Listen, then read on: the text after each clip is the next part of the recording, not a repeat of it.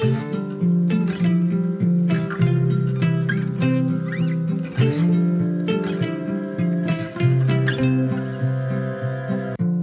och välkommen till For Health med Anna Sparre.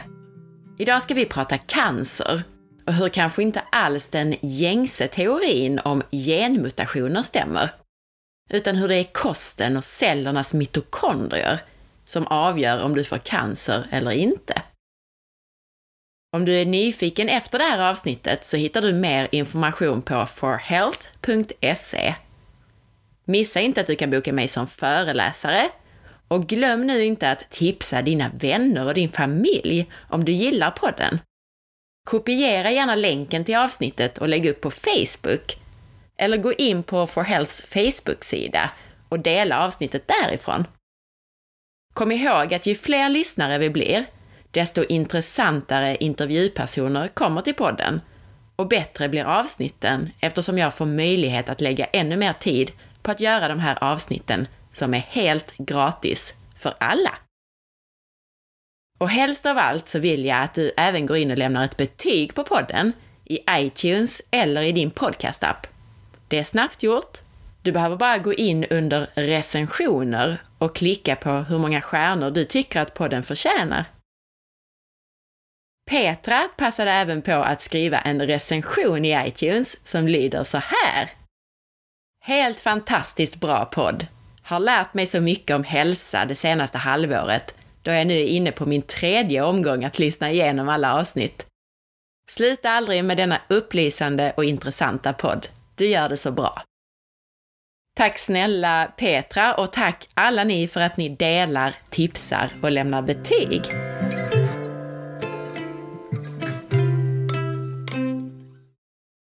Vi hade ett stort avsnitt om cancer i avsnitt 40, där vi pratade både om forskningen kring cancer och framförallt kost och cancer, och om konkreta saker som du kan göra för att förebygga, bromsa och kanske till och med bota cancer. Så jag tipsar dig om att även lyssna på det avsnittet om du tycker att ämnet är intressant. Men du kan börja här med det här avsnittet. Det går bra. Även idag får du konkreta tips men jag hoppas att jag kan väcka ditt intresse idag. Vi ska med det här avsnittet även ifrågasätta cancer och hur det uppstår i kroppen. Precis som jag inledde avsnitt 40 med, så är statistiken talande. Näst efter hjärt och kärlsjukdomar, som är den vanligaste dödsorsaken i Sverige, så är det cancer som orsakar flest dödsfall. Cancer är okontrollerad celltillväxt, vilket leder till att de nya cellerna förstör den omgivande vävnaden i kroppen. Men idag så blir det inte samma sak som jag pratade om i avsnitt 40, utan jag ska berätta om något som jag även skrev om på forhealth.se förra sommaren. Då sammanfattade jag en lång och bra text om cancer som baserades på cancerforskaren professor Thomas Seyfrieds föreläsning om cancer vid Ancestral Health Symposium vid Harvard Law School. Dr. Georgia Eid skrev ner texten på engelska och Sven-Erik Nordin tolkade till svenska. Jag gjorde en sammanfattning av detta på bloggen och det är utifrån det som jag pratar i det här avsnittet. Den väldigt korta sammanfattningen är att den rådande uppfattningen om att cancer uppstår på grund av genmutationer i våra celler högst sannolikt inte stämmer. Genmutationerna är snarare en följd av cancern och teorin borde ersättas med att cancer uppstår i cellernas mitokondrier, alltså i de kraftverk där energin från maten görs om till energi som cellen kan använda. Just därför är också maten vi äter det sätt som i första hand kan påverka och till och med bota cancer. Det vi ska prata om är cancer som en ämnesomsättningssjukdom. Det här avsnittet, avsnitt 92 om cancer, kommer jag att dela upp i två delar. Den första delen innehåller alla förklaringar och all logik bakom det här. Varför cancer uppstår och hur det fungerar alltså. Medan den andra delen, avsnitt 92b, kommer att fokusera på hur man faktiskt behandlar och, och äter och vad man kan göra både för att förebygga och behandla cancer. Så om du inte alls är intresserad av förklaringarna så kan du kasta dig direkt på avsnitt 92b. Men jag tror verkligen att du kommer att tycka att det är fascinerande och intressant att höra de här teorierna och logiken bakom, så jag rekommenderar dig att fortsätta lyssna här idag också. Thomas Seyfried, en hjärncancerforskare med över 25 års erfarenhet inom området, gav en banbrytande presentation om cancer vid Harvard. I hans bok Cancer as a Metabolic Disease, på svenska översatt alltså Cancer som en ämnesomsättningssjukdom, om orsak, behandling och förebyggande av cancer, lägger han ut mer än 400 sidor av tät vetenskaplig evidens med 1740 referenser. Jag kommer att börja med att prata om genteorin när det gäller cancer, sen om hur cancer uppstår i mitokondrierna och slutligen om hur man bäst botar och förebygger cancer. Om du tycker att något av det jag säger är svårförståeligt, så fortsätt ändå att lyssna. Du behöver absolut inte förstå precis allting. Ju närmare slutet vi kommer i det här avsnittet, desto tydligare och konkretare blir råden och förklaringarna. Så häng med genom hela avsnittet. Jag tror att du kan tycka att en hel del av Thomas Seyfrieds förklaringar är riktigt fascinerande och väldigt logiska och kloka. Har du dessutom hängt med i tidigare avsnitt och fått en inblick i kostens betydelse för kroppens hälsa, så tror jag att det här kommer att tala till dig.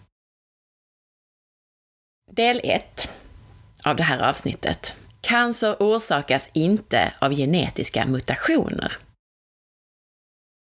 Våra gener består av DNA, spolar av kodad information som berättar för våra celler exakt hur de ska bygga alla de proteiner som de behöver för att bedriva sin dagliga verksamhet. De här ritningarna måste vara flexibla eftersom cellerna behöver olika proteiner under olika omständigheter. Cellerna måste kunna anpassa sig till olika förhållanden, såsom stress, skada, infektion, temperaturförändringar och livsmedelsförsörjning, alltså vilken mat vi äter. Så gener innehåller massor av speciella kontroller som kan slås på och av beroende på vad som händer i och runt cellen. I läkarutbildningen lär man sig att cancer handlar om gener som blir tokiga. Något ont som dyker upp, en giftig kemikalie eller en strålning som angriper ditt DNA och poff! Muterade celler börjar dela sig som galningar och tar över din kropp. Man får också lära sig att sättet att bli av med cancer är att översvämma den med giftiga kemikalier och strålning. Etablissemangets linje är att cancer orsakas av mutationer, förändringar alltså, i DNA, som sedan förvandlar friska, väluppfostrade celler till vårdlösa, glupska, odödliga avfällningar. Dessa mutationer stjäl en uppsättning instruktioner, kodade i cellernas DNA. Och forskarna tror att dessa mutationer leder till att cellerna sedan blir helt vilda. Cancerceller är väldigt annorlunda jämfört med normala celler. De växer oberoende och ignorerar antitillväxtsignaler och order som normalt skulle hindra friska celler från att bli okontrollerbara. Cancerceller skapar sin egen blodtillförsel och kan fortsätta att dela sig för evigt. Cancerceller förlorar många av de fysiska egenskaperna hos sina moderceller de är oftast mindre och kan vara vanställda eller formlösa. Ibland smälter de ihop med varandra eller med angränsande celler och skapar märkliga hybrider. De mest aggressiva typerna av cancerceller invaderar lokala vävnader och eller lossnar och färdas i blodet till avlägsna delar av kroppen. Det här är alltså det som kallas för metastaser. Hundratusentals olika mutationer har upptäckts i cancerceller Men det är faktiskt ovanligt att hitta genetiska mutationer i friska celler, eftersom friska celler har stabilt DNA. DNA är den viktigaste molekylen i kroppen, så evolutionen har sett till att den är väl skyddad. DNA hos friska celler är inte bräckligt. I så fall skulle det inte ha överlevt. Det finns till och med vaktmästargener som är utformade för att underhålla och reparera defekter i DNA, eftersom massor av saker i naturen kan skada DNA. Även sånt som vi tänker på som hälsosamt, som solljus och grönsaker. Cancerceller har instabilt DNA som muterar lätt och därför är i ständig förändring. Det är därför det finns så många mutationer i cancerceller. Denna genomiska instabilitet ses som ett starkt tecken på att tumörcellerna muterar för att förbättra sig själva och att de med mest smarta mutationerna är de som överlever och reproducerar sig bäst. Alltså survival of the fittest, enligt Darwin då. Man tänker på cancerceller som oövervinneliga, som starkare, snabbare och smartare än friska celler. Men detta är inte sant. Jo, de flesta tumörceller växer snabbare än de flesta av sina friska angränsande celler. Men det är inte för att de är snabbare. Det är för att de är oreglerade. Alla friska celler runt om kan växa lika snabbt, men det finns kontroller och balanser på plats för att hindra dem från att växa mot sin vilja. Tumörceller är mer sårbara än friska celler. Det är faktiskt därför strålning och kemoterapi kan fungera. Strålning och kemoterapi är toxiska för alla celler, cancerceller och andra, men de är mer toxiska för tumörceller. Tumörceller är också mer känsliga för värme, feber och svält. När kroppen är stressad är tumörcellerna de första att dyka under. Bara för att cancerceller har massor av mutationer betyder det inte nödvändigtvis att mutationer orsakar cancer.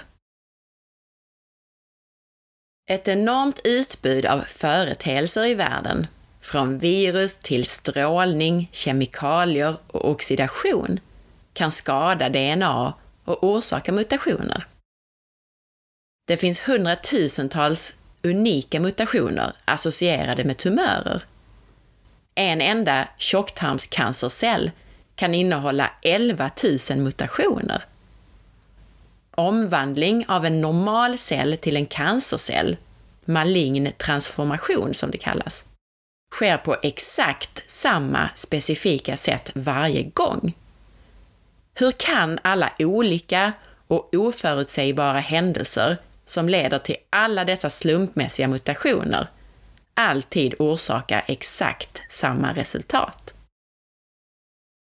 Ingen specifik mutation är en tillförlitlig markör för någon typ av cancer.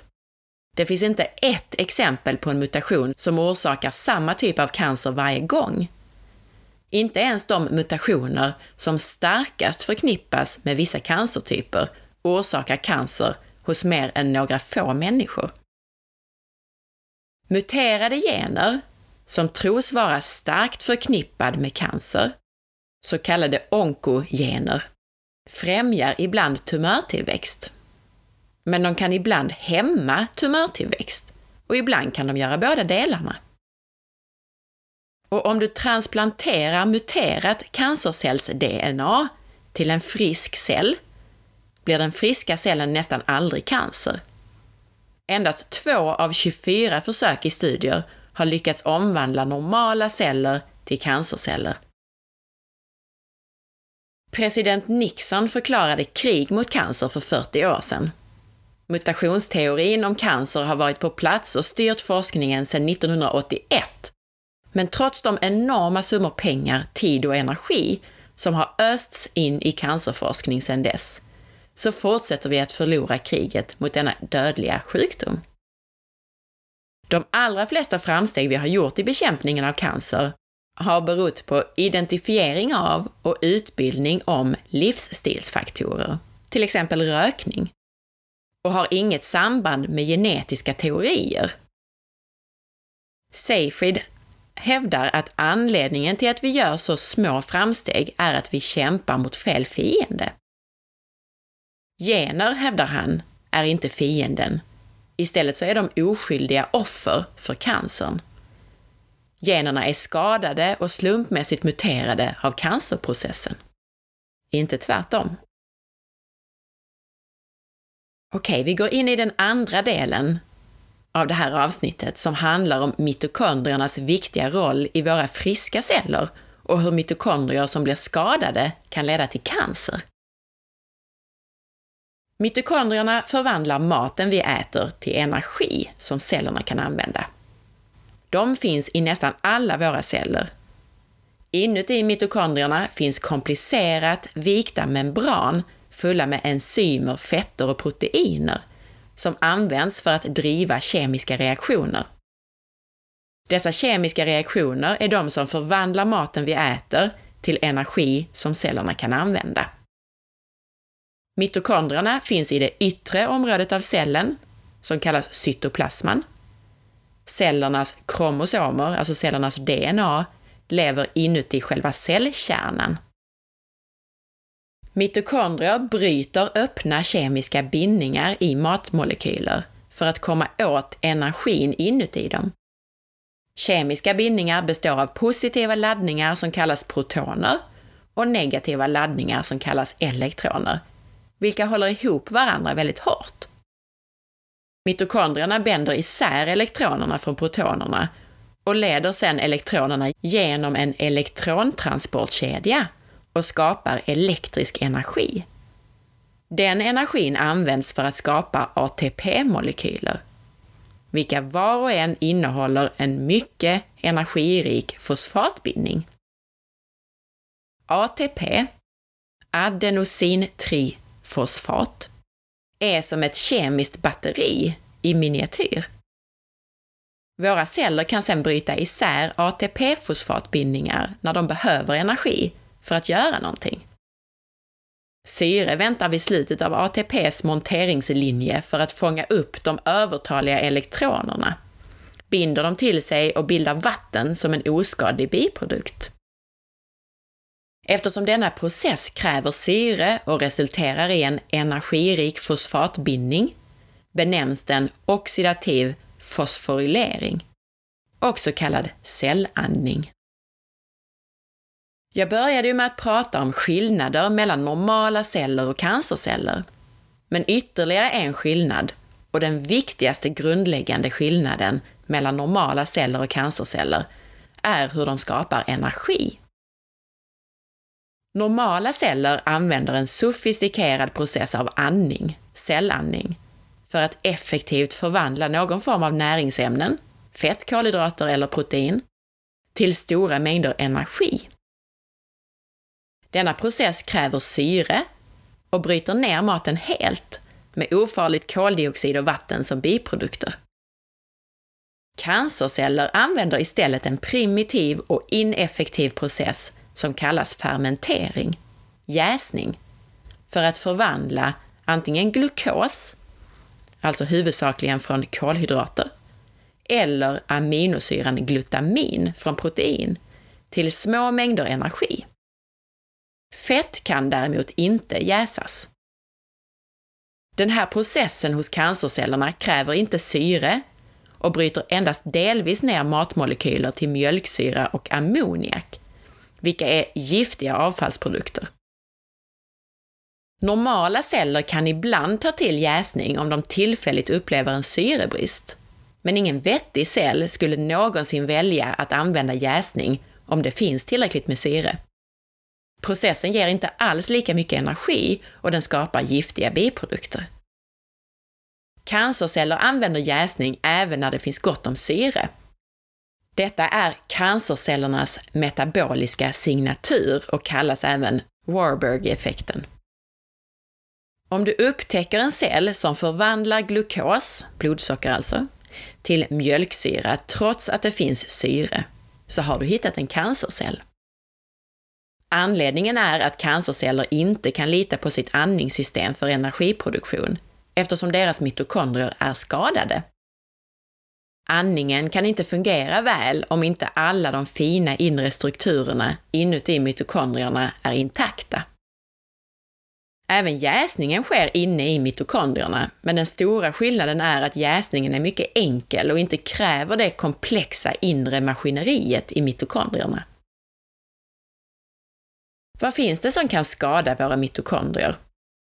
Jo, det finns saker som strålning, cancerframkallande kemikalier, virus och kronisk inflammation. Ett sätt på vilket dessa faktorer kan orsaka problem för mitokondrierna är genom att generera reaktiva syreradikaler, ROS, fria radikaler, vilka skadar cellandningen. ROS, eller fria radikaler, orsakar slumpmässig skada. Några av de gener som har starkast koppling till cancer, de här så kallade onkogenerna, är de som kodar för just mitokondriella proteiner. Mutationer i de här generna påträffas i cancerceller ibland. En del av de virus som har starkast koppling till cancer är kända för att skada just cellandningen. På vilket sätt är cancercellernas mitokondrier skadade? Jämfört med friska celler så har cancerceller färre mitokondrier per cell. De har deformerade mitokondrier med onaturligt släta inre ytor. Cancerceller har också minskad aktivitet av kritiska andningsenzymer.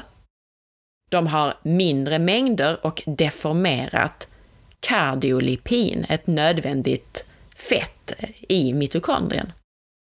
Cancerceller har mindre DNA i sina mitokondrier. Cancerceller har läckande, okoordinerade elektrontransportkedjor som gör att dyrbar energi slösas bort i form av värme istället för att förvandlas till ATP.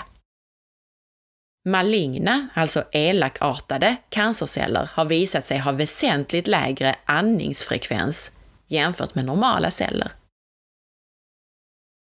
Mitokondrierna har utvecklat en process som hjälper dem att hantera tillfällig stress eller skador. Det kallas tillbakariktat svar. DNA inuti kärnan uppfattar under normala omständigheter signaler och skickar order ut till mitokondrierna i cytoplasman. Men om en mitokondrie är skadad och andningen är i fara, så skickar mitokondrien ett nödmeddelande till kärnan som säger vi har inte tillräckligt med energi. Vi måste börja med jäsning. Det tillbakariktade svaret, som det här kallas, utlöser följande händelser. A. En mängd olika gener aktiveras. Gener som styr de proteiner som krävs för att köra jäsning istället för andning. Samma gener råkar också vara kända i cancerforskningens värld som de här onkogenerna, gener som är associerade med ökad cancerrisk. Ett exempel som jag har nämnt tidigare på sådana här gener är den som kallas för mTOR. Den troliga orsaken till att gener som behövs för att köra jäsning också är samma gener som är associerade med cancer är att jäsning och eller brist på andning ökar risken för cancer. Händelse B. Medan de här jäsningsgenerna, onkogenerna, har växlat upp har deras andningsmotsvarigheter växlat ner. Andningsgener styr DNA-reparationsproteiner och är associerade med andning, alltså andra sorters gener med andra namn. Samma gener, de här som man kallar för andningsgenerna, råkar också vara kända i cancervärlden som gener som förhindrar cancer. Att vara i jäsningsläge medan andningen haltar efter har följande effekter. Reaktiva syreradikaler, ROS, fria radikaler, genereras, vilket orsakar slumpmässig skada. Komplexen järn-svavel är skadade. De här behövs i elektrontransportkedjan. P-glykoprotein är aktiverat och pumpar toxiska ämnen ut ur cellerna detta kan göra tumörceller resistenta mot de flesta kemoterapier. Förmågan hos mitokondrierna att initiera programmerad celldöd, apoptos, avtar eller försvinner. När något allvarligt går fel i en cell är det mitokondriens uppgift att se till att cellen dör. Detta är anledningen till att cancerceller med en massa mutationer överlever. Skadade mitokondrier och jäsning tillåter dåliga celler att leva vidare. Kalcium läcker ut från mitokondrierna och in i cytoplasman. Korrekt flöde av kalcium är kritiskt för normal cellandning eftersom den mitotiska spolen, den struktur som hjälper kromosomer att separera korrekt, är kalciumberoende. Felaktiga spolar ökar risken för skeva celldelningar. Som jag nämnde i början, så transplantation av muterat DNA från cancerceller till friska celler orsakar alltså bara cancer hos två av 24 fall. Men vi jämför detta med mitokondrietransplantationer. Om man smälter samman mitokondrier från cancer med normala celler och sen injicerar de här i djur så produceras tumörer i 97 procent av djuren. Nästan varje gång alltså. Om man transplanterar normal cytoplasma med friska mitokondrier till tumörceller med muterat DNA i sina kärnor så minskar cancerutvecklingen. Om man sammansmälter normal cytoplasma med friska mitokondrier med tumörkärnor så minskar tumörbildningens hastighet och omfattning. Om du förbehandlar normal cytoplasma med friska mitokondrier med strålning så förlorar den sin förmåga att rädda tumörceller från cancerutveckling eftersom strålning skadar mitokondrierna. Om man överför friska mitokondrier till celler med skadade mitokondrier så minskar cancerutvecklingen. Statusen på DNA är alltså inte det viktiga, men skadade mitokondrier kan förvandla friska celler till cancerceller och friska mitokondrier kan vända cancerutvecklingen i tumörceller. Detta är ett tecken på att cancer inte är en genetisk sjukdom. Cancer är en mitokondriell sjukdom. Men hur orsakar då skadade mitokondrier cancer? För miljarder år sedan innehöll jordens atmosfär väldigt lite syre, så levande varelser använde jäsningen för att generera energi. Våra celler har nu mitokondrier som kan utföra cellandning istället för jäsning. Många celler dör om deras mitokondrier blir skadade. Men om skadan inte är för plötslig eller alltför svår så kommer vissa celler att kunna anpassa sig och överleva genom att byta tillbaka till jäsning för att framställa energi. Om du inte ständigt tillför energi till en levande varelse för att den ska bibehålla sin form och funktion, så kommer den gradvis efterhand att ge vika. För celler innebär det tillbakagång. DNA blir instabilt, cellerna förlorar sina unika former, blir desorganiserade och börjar reproducera sig okontrollerat. Cancer alltså. Ett stort antal miljörisker kan skada mitokondrier, det är de typiska saker som vi tror skadar vårt DNA. Men skadat DNA är inte den främsta orsaken till cancer. Det är våra mitokondrier vi behöver oroa oss över. Mitokondrierna tar hand om våra celler och vårt DNA. Studier visar att mitokondriell skada inträffar först och sedan följer genetisk instabilitet. Celler med skadade mitokondrier löper, om de överlever, stor risk att bli cancerceller. Metastatisk cancer är annorlunda. 90% av alla dödsfall i cancer beror på metastatisk sjukdom, cancer som har spridit sig till fler än ett organ. Det är de riktiga bovarna. När cancern en gång är på väg så är det mycket svårt att stoppa den. Det är därför förebyggande är så himla viktigt. Ett av de mest fascinerande ämnena i Dr. Seyfrieds bok är hans teori om hur och varför vissa cancerceller färdas genom kroppen till avlägsna organ. Han gör ett övertygande argument av hur den typ av immunceller som kallas makrofager hjälper cancern att spridas. Jag har skrivit om det här i inläggen när jag skrev om, om det här med Dr. Seyfrieds teorier. alltså om makrofagernas koppling till spridning av tumörer. Men vill du veta mer om den, så leta upp denna serie inlägg på bloggen på forhealth.se. Använd till exempel taggen cancer för att hitta inläggen, där jag även tar upp det som jag pratar om här idag. Och lite till. Men i det här avsnittet, för att inte det ska bli alldeles för långt, så hoppar jag över just det här om metastaserna. Jag avslutar det här avsnittet här. I nästa avsnitt, 92b, så rullar vi in i del 3 som handlar om behandling och förebyggande av cancer.